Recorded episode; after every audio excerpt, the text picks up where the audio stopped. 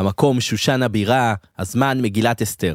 מרדכי היהודי שומע את הגזרה שבדיוק הרגע נפלה על הראש של כל היהודים. הוא לובש שק ואפר, כמו שמסופר במגילה, מסתובב ברחובות, צם ומתפלל.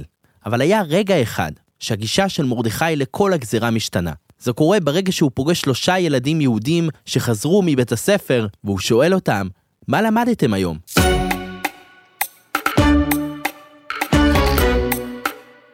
אחד מהם עונה לו את הפסוק, עצה ותופר, דברו דבר ולא יקום.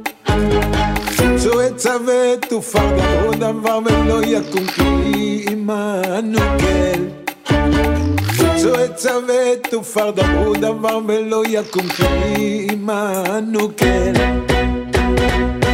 שלום לכם, ברוכים הבאים להללו, פודקאסט הניגונים של צמא, אני שמולי קפלן, והפעם אנחנו אימוצו עצה. זה סיפור על פסוק מספר ישעיהו, שגורם למרדכי היהודי לשמוח למרות הגזירה. וסיפור על אחד מגדולי המנהיגים בתקופה שלפני השואה, שכנראה הלחין את הניגון הזה, רבי מאיר שפירא, המוכר בכינוי המהר"ם מלובלין.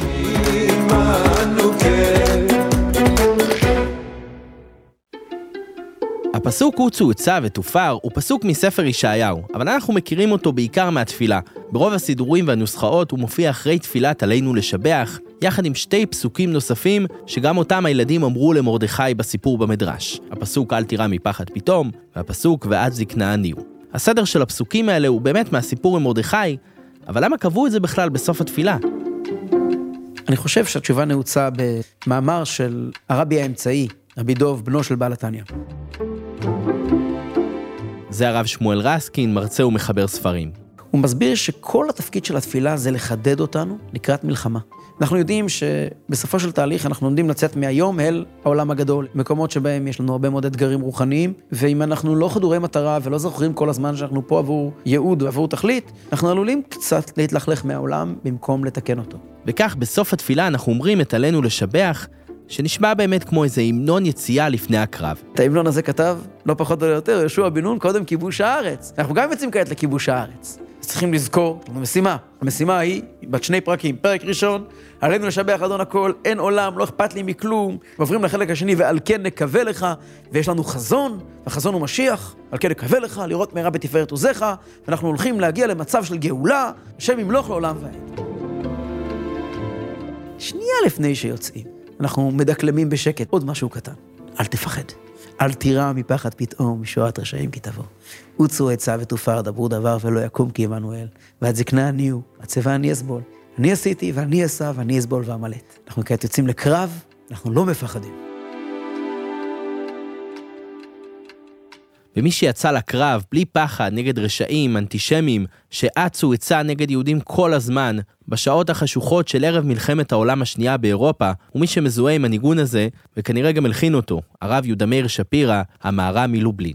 בעולם היהודי הוא מוכר בזכות הישיבה שהקים, ישיבת חכמי לובלין בפולין, ובזכות מפעל הדף היומי שיזם. אבל יש משהו באישיות שלו שפחות מוכר. הביטחון, השמחה, ובעיקר עולם הניגונים שהלחין ושר. הוא היה איש של ניגון, ולא סתם ניגונים, אלא כל ניגון שהיה מזוהה איתו, בך בטחו, אם אמרתי, והניגון שלנו הוא צאוצה, היה קשור לאמונה, לביטחון, להליכה בלי פחד, להליכה בשמחה. הוא השתמש בכוח של הניגון כדי לעודד, לחזק, להעלות את האמונה והביטחון בקדוש ברוך הוא, שבסוף הוא יעזור לנו מול כל הצרות. הוא עשה את זה כשהוא עצמו סבל מהרבה צרות בחיים האישיים שלו. הוא לא זכה שיהיו לו ילדים, והוא נפטר ממחלה בגיל צעיר מאוד.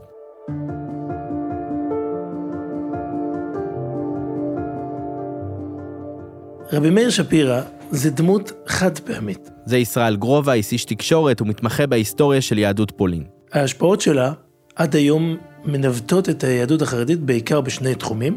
בתחום הזה של מבנה הישיבות, והעיקר, כל העיקרים זה דף היומי.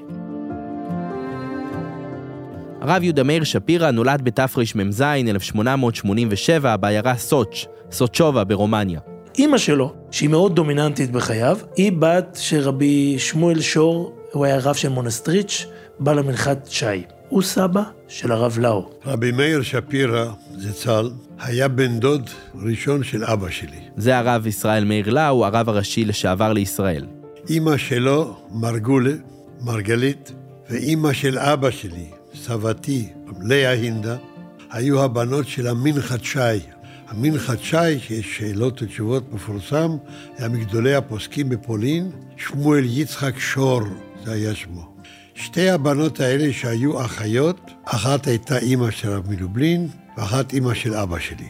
רבי מאיר לא מיד התגלה כעילוי גדול וכתלמיד חכם, להפך, כשהיה ילד התקשה בלימוד שלו. לפי הנתונים שבידינו, כנראה הייתה שם הפרעה של מה שהם קוראים דיסלקציה. הוא התגבר עליה בעצמו. הזיכרון שלו היה פנומנלי, הוא לימד את עצמו לקרוא צורות של מילים, לא צורות של אותיות. הוא הסתכל על המילים כמו תמונות, הוא כמעט אף פעם, אני חושב שאף פעם לא קרא נאום מתוך דף, הכל היה בזיכרון. מהר מאוד הופך הילד, שבהתחלה עוד התמודד עם קשיי למידה, לעילוי. העילוי משוץ. בגיל 22 הוא כבר מקבל את הרבנות הראשונה שלו. הוא מתמנה לרב קהילה, בשנים ההן רב קהילה זה סיפור מאוד דרמטי, זה זוקק המון מנהיגות. למדנים ועילויים באותה תקופה לא היה חסר בעם ישראל, גם לא רבנים.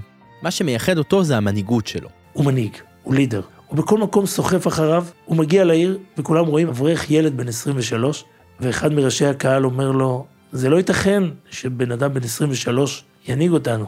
אז הוא אומר לו, אני מתחייב כל יום בחיי לטפל בבעיה הזאת. בהדרגה כל קהילה יהודית באזור רוצה שהוא יהיה הרב שם. מאיר שפירא מקבל כמה הצעות רבנות, במהלך מלחמת העולם הראשונה הוא נאלץ לברוח, הוא מתחיל לאט לאט לכבוש עוד ועוד קיני רבנות, הוא נהיה רב ואז קהילה יותר חשובה מבקשת אותו. הקהילה הראשונה היא גלינה, גלינה בגליציה, היא לא מספיק אה, גדולה, ואז הוא עובר לסאנוק, ובהמשך השיא יהיה כשהוא מגיע ללובלין. מאיר שפירא נדד לרבנות מגלינה, גליציה, לסאנוק, מסאנוק לפיוטרקוב, ומפיוטרקוב ללובלין.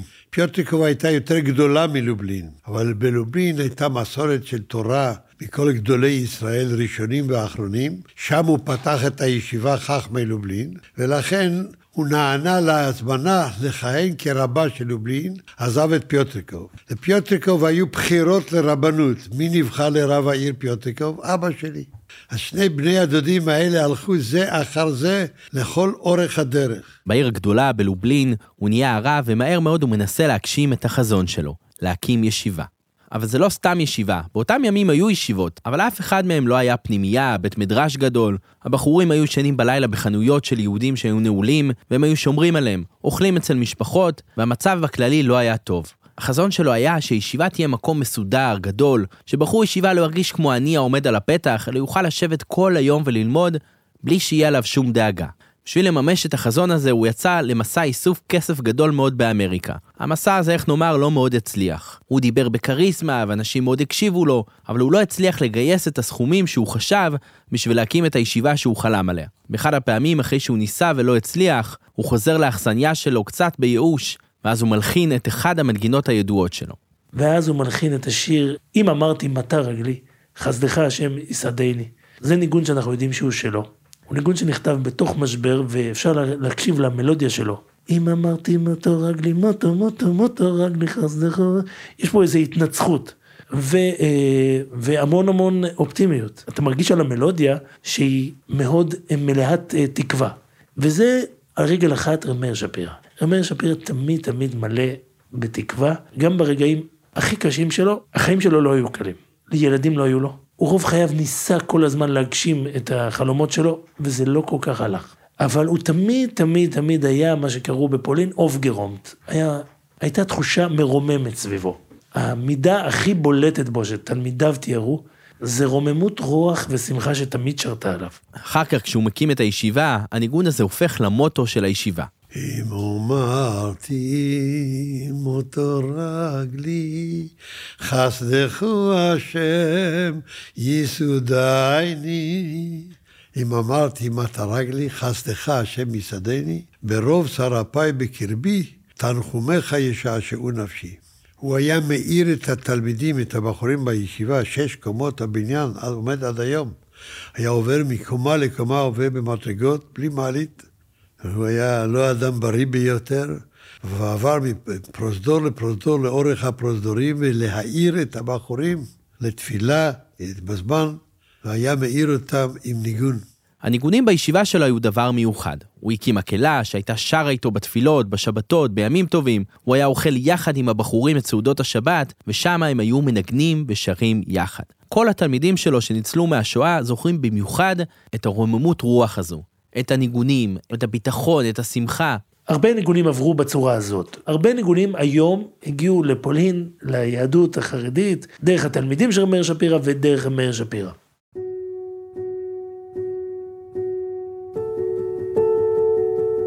הימים שבהם הוא רב בלובלין והישיבה פועלת הם שנים דרמטיות בעולם. בימים האלה עולה ההנהגה שלו. הוא נבחר להיות יושב ראש אגודת ישראל ומתחיל לפעול להצלת עולם התורה והנוער בפולין ובאירופה של אז. השיא הוא שהוא נשלח לייצג את היהודים בפרלמנט, הסיים הפולני. שם הוא פוגש את האנטישמיות בצורה הטהורה שלה, והוא מתמודד כל הזמן עם ניסיונות לגזור ולעשות צרות ליהודים. מאיר שפירא יושב בסיים הפולני, קדנציה שלמה, וכל הזמן הזה, רק לראות את הצורה שלו, יש לו צורה של רבה חסידי עם שתי פאות בחוץ, דבר שלא קורה בפולין. יהודי רגיל בפולין לא יוצא לרחוב עם הפאות בחוץ. עם הזקן, עם, ה, עם הכובע הרבני. וכל זה הוא יושב בתוך הסיים הפולני ומייצג את היהדות החרדית. יש אז גזרות לא פשוטות, יש אז גזרות של אה, סביב עניין השחיטה, והוא מתמודד עם הכל. אבל גם שם הוא שומר על הרוממות רוח והשמחה שלו דרך הניגון. מתארים שהוא היה יוצא לפעמים מהסיים, או יוצא מהאספה ותופס כמה בחורים ומתחיל לרקוד איתם ולשיר איתם. הלרקוד היה דבר מאוד אה, דומיננטי אצלו. הרבה ריקודים. ודווקא שם, שהוא ראה את האנטישמיות בעיניים, הוא ראה שהם פשוט שונאים אותנו, יוצאים לו הניגונים של האמונה והביטחון בקדוש ברוך הוא. הוא היה אומר, אחד האמירות המיוחסות לו, זה מה שחז"ל אומרים, הלכה ובידוע עשיו שונא ליעקב. מה זאת ההלכה? מה... יש פה מישהו שמקיים, גויים שמקיימים פסק הלכה. אז הוא אומר, אני נמצא בסיים, אני מסתובב בעולם, ותמיד, תמיד, תמיד יש איזה ניסיון עולמי, יהודי, לתת סיבה והסבר לאנטישמיות. פה מסבירים לנו בגלל שאתם קומוניסטים, שם מסבירים לנו בגלל שאתם קפיטליסטים. הוא אומר, ואני עובר, בכל מקום אני רואה שהסיבה היא הפוכה. כאן בגלל שאתם מדי עניים, וכאן בגלל שאתם מדי עשירים. ואני מגיע למסקנה שאין שום הסבר. הלכה ובידוע עשיו שונא ליעקב, זה פשוט הלכה. זה הלכה שאתם, שהגויים נאלצים לקיים. חשבו שברגע שיהיה לנו בית משלנו, מדינה משלנו, ולא נהיה מפוזרים בין הגויים, יקבלו אותנו. אז פעם שנאו אותנו כי לא היה לנו בית. היום שונאים אותנו כי יש לנו בית. כשהוא ראה את כל הסביבות האלה והכיר את העולם הלא יהודי מכל הצדדים שלו, באירופה בעיקר, אז ממילא זה היה ברור שכשהוא אומר ניגון לפסוקים כאלה, של שיר של יום רביעי, אם אמרתי מטה רגלי, והוא היה במצב שעם ישראל חלילה יהיה במצב של מטה רגלי, חסדך השם יסעדני. אין לי על מי לסמוך, אין לי בני ברית, אין לי על מי להישען, רק עליך. חסדך השם יסעדני. ברוב שרפיי בקרבי אני חושב על כל מה שעובר עלינו, חסדך השם יסעדני. תנחומיך ישעשעו נפשי.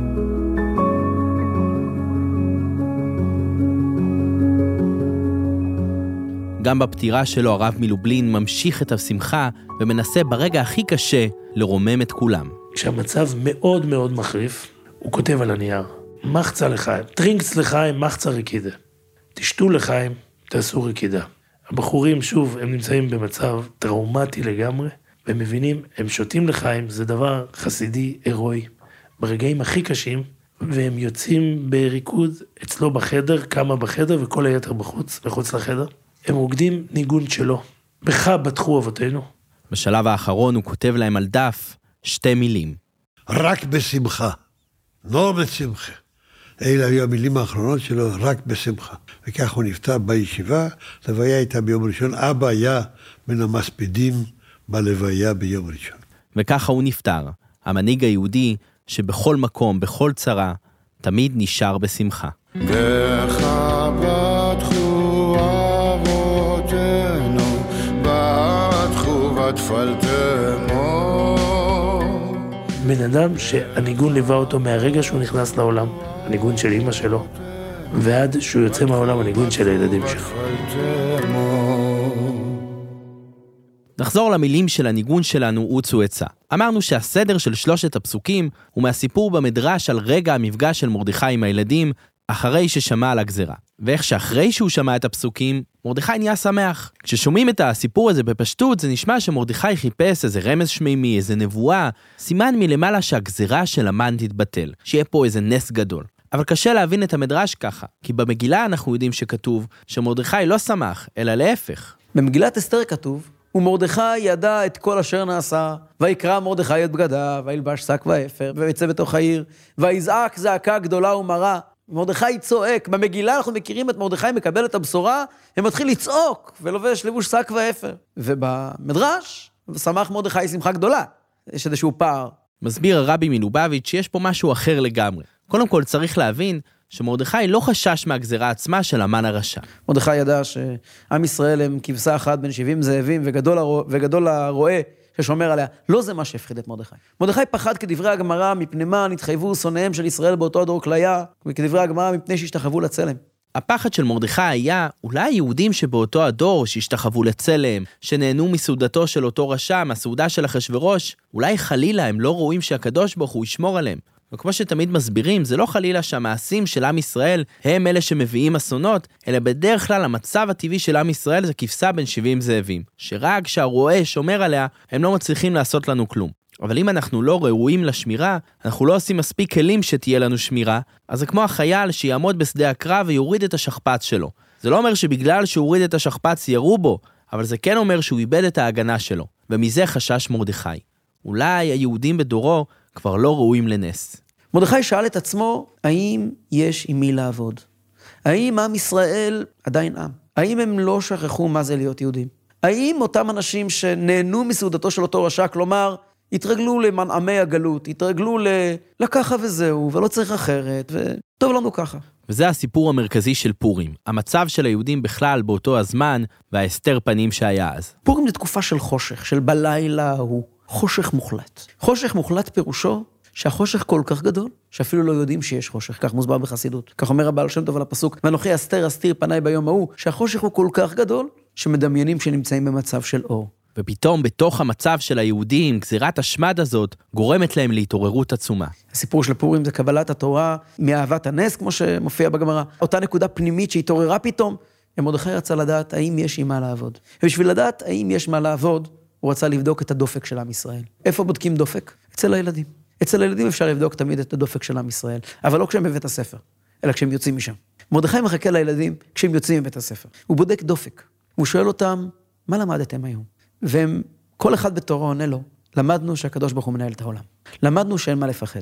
שמח מרדכי שמחה גדולה, כי הוא ידע שיש עם מי לעבוד. וכשהוא ידע שיש עם מי לעבוד, ויזעק זעקה גדולה ומרה, וילבש שק ואפר, ויצא בתוך העיר, למה? לעורר את עם ישראל לתשובה, כי יש עם מי לעבוד. והפסוקים האלה זה לא סתם שלושה פסוקים אקראיים שמדברים על אמונה וביטחון בקדוש ברוך הוא, אלא יש בהם שלוש רמות של אמונה, של איך מתמודדים עם הפחד הכי בסיסי שיש בבן אדם, בכל אחד מאיתנו, מהפחד של השמדה ומוות. יוצא לי הרבה לחשוב על זה בתקופה האחרונה, אנחנו פוגשים כל כך הרבה אנשים שפשוט פוחדים. הפחד זה הדבר הכי הכי נוכח בחברה. במלחמה הזאת, ואולי אולי עוד לפני ואולי עוד אחרי, הפחד היה דבר שהוא דבר משתק. אנשים נכנסים לסטרס ו- ומתחבאים בתוך הבית ו- ולא מוצאים לעצמם מקום. מה יהיה ואיך יהיה, וכולנו הרי שרוטים מאבותינו, כולנו שורדי שואה ברמה כזו או אחרת. דור שלישי של שורדי שואה. וכולנו מבינים מה המשמעות של קיום על קרעי תרנגולת. והפסוקים שהילדים אומרים למרדכי, מטפלים בפחד בשלוש רמות. אל תירא מפחד פתאום, משועת רשעים כי תבוא. אני הרבה פעמים חושב, בפרט בתקופה הזאת, על האומץ של לומר את המילים האלה ברור. לפעמים אנחנו מפחדים לקרוא ל, לרשע בשמו. המחלה ההיא, אסון גדול. פה הספר ישעיהו, אל תירא מפחד פתאום. הפחד שלך הוא מהפחד, הפחד שלך הוא מהפתאום. והפחד שלך הוא משואת רשעים כי תבוא, לסיוטי הלילה שלנו. אל תירא. למה אל תירא? ככה אל תירא. יש הקדוש ברוך הוא בשמיים. נו ו... לא, אל תירא. כשילד גדל יותר, כשאנחנו חושבים על הפחד לעומק, אנחנו אומרים, רגע, זה לא סתם שיש לנו פחד פתאום, מדברים לא רציונליים שפתאום יקרו לנו, למרות שאין שום היגיון או סטטיסטיקה לפחד מזה. הרי כן יש ממה לפחד. יש ברגעים אלו שונאי ישראל שחושבים איך להרוג אותנו, ולא סתם חושבים או מדברים, הם מתכננים תוכניות, איך ומה לעשות. ועל זה מגיע הפסוק שלנו, רוצו עצה. הפסוק מגיע ואומר, שוב פעם, באומץ, יש כאלה אנשים, כן, הם ישנם. בואו לא נספר סיפורים לעצמנו, אין אויבים, והכל בסדר, והכל סבבה. לא, לא, לא, לא, לא. יש לנו בעיות. אנחנו אומרים לבעיות, רוצו עצה ותופר. הקדוש ברוך הוא יפר לכם את העצה. דברו דבר, לא רק רעיונות אה, היפותטיים. דברו דבר, דברו אפילו פרקטי, ולא יקום. זה לא יקרה. למה? כי עמנו אל. יש פה הסבר. הקדוש ברוך הוא איתנו. הקדוש ברוך הוא עם הטובים. זה כבר רמה יותר גבוהה. גם של הבנת הבעיה, וגם של הסיבה, כי עמנו כל. ואז מגיע הפסוק השלישי ומלמד אותנו רמה נוספת של ביטחון ואמונה בקדוש ברוך הוא. הרי יש דברים שאנשים מפחדים מהם שלא קשורים לעצת רשעים, לא לאיזה כוונות ויכולות אויבי ישראל מתכננים, אלא דברים שלא משנה מה תעשה, בסוף זה יפגוש אותך. זקנה, מחלה, דברים כאלה. הרי אנחנו מתפללים, אל תשליכנו לעת זקנה. ומגיע הילד השלישי, הילד הבוגר, ואומר, אלוקים עושה הכל. ועד זקנה, אני הוא. אותו הקדוש ברוך הוא שנמצא איתך כשאתה צעיר, הוא איתך כשאתה זקן. ועד שיבה, אני אסבול, אני סובל הכל, אני, אני לוקח הכל על הגב, על הגב שלי. אני עשיתי, אני בראתי את העולם. אני מחזיק את העולם כל רגע. אני נותן לעולם חיים בכל רגע מחדש. אני עשיתי, ואני אסע, ויש לי את כל היכולת להחזיק אותו לידיים שלי, הוא לא ייפול, הכל בסדר. ואני אסבול, כלומר, אני יכול להיות הסבל של העולם, אני יכול להחזיק אותו היטב, ואמלט ולפתור אותך מכל מיני בעיות. זו הסתכלות מאוד מאוד בוגרת, שגם יודעת שיש זקנה ויש שיבה, ואפילו לא דוחה אותם. הם יבואו, יבוא יום שנזדקן בעזרת השם ביחד. ו- וכן, לא בטוח שבכל החיים נהיה בריאים, יפים וצעירים. אבל הקדוש ברוך הוא יהיה איתנו בכל צעד, ותמיד יהיה פה לידינו. הוא לא רק יסמוך אותנו מבחוץ, או יתמוך אותנו מבחוץ. אני עשיתי, ואני אסע, הכל בסדר. calm down, תירגע. הקדוש ברוך הוא פה, מתחילת הדרך ועד סוף הדרך. ובכל רגע יש לנו שליחות ותפקיד. והקדוש ברוך הוא עומד לידינו ודואג שנבצע אותה בצורה המלאה ביותר. אתה רק צריך לבחור לחיות, לחיות נכון. ואז תוכל לדעת, אם אתה זוכר שהקדוש ברוך הוא איתך, שבכל רגע בחיים יש לך ייעוד ותפקיד של אותו רגע. אפשר לחיות חיים מלאי משמעות ומלאי תוכן, גם עד זקנה ועד שיבה. כי אני עשיתי, ואני אסע, ואני אסבול ואמלט.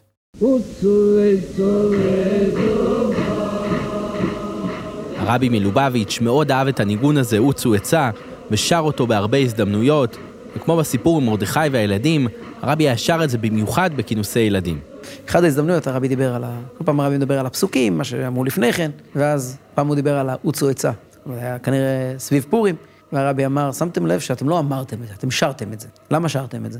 שרתם את זה כי הפחד פתאום, והשעות רשעים, וכל האל תירא הזה, זה לא סתם אמירה, זה מתוך שמחה, זה ביטחון שהוא מלווה גם בתנועת נפש מרוממת. אולי זה קשור למה שדיברנו על סיום התפילה, כן, שהיציאה לקרב היא תמיד מתוך תנועת ניצחון. בעל התניא אמר על נפוליאון, הרי בעל התניא היה נגד נפוליאון במלחמת נפוליאון הידועה, אז הוא ביקש לברר באיזה שיר, באיזה מרש הוא נכנס ל- לרוסיה.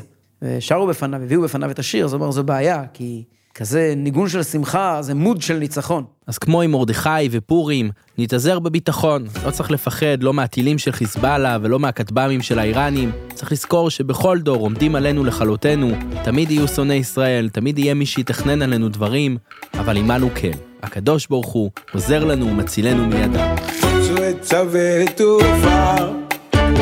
דברו דבר ולא יקום. עשו עצה ותופר, דברו דבר ולא יקום, כי עמנו כן. תודה שהאזנתם להללו, פודקאסט הניגונים של צמא. אני שמולי קפלן, ניהול מנדי בלוי, עיצוב סאונד אפי שיינר. תודה לרב ישראל מאיר לאו, הרב הראשי לשעבר. תודה לרב משה שילת, לרב שמואל רסקין ולישראל גרובייס. אנחנו מזמינים אתכם להצטרף לקהילת הללו בוואטסאפ. תסתכלו בתיאור הפרק, יש שם לינק להצטרף לוואטסאפ שלנו. אפשר לקבל שם את הפרקים לפני כולם, לדבר איתנו. בואו. לפרק הזה ולכל הפרקים של הללו ניתן להזין בכל אפליקציות הפודקאסטים. להתראות בפרקים הבאים.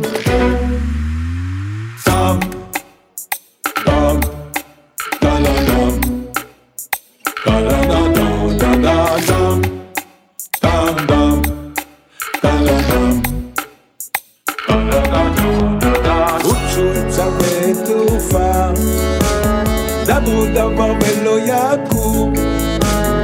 רוצו עצה ותופר, דברו דבר ולא יקום, כי עמנו כן.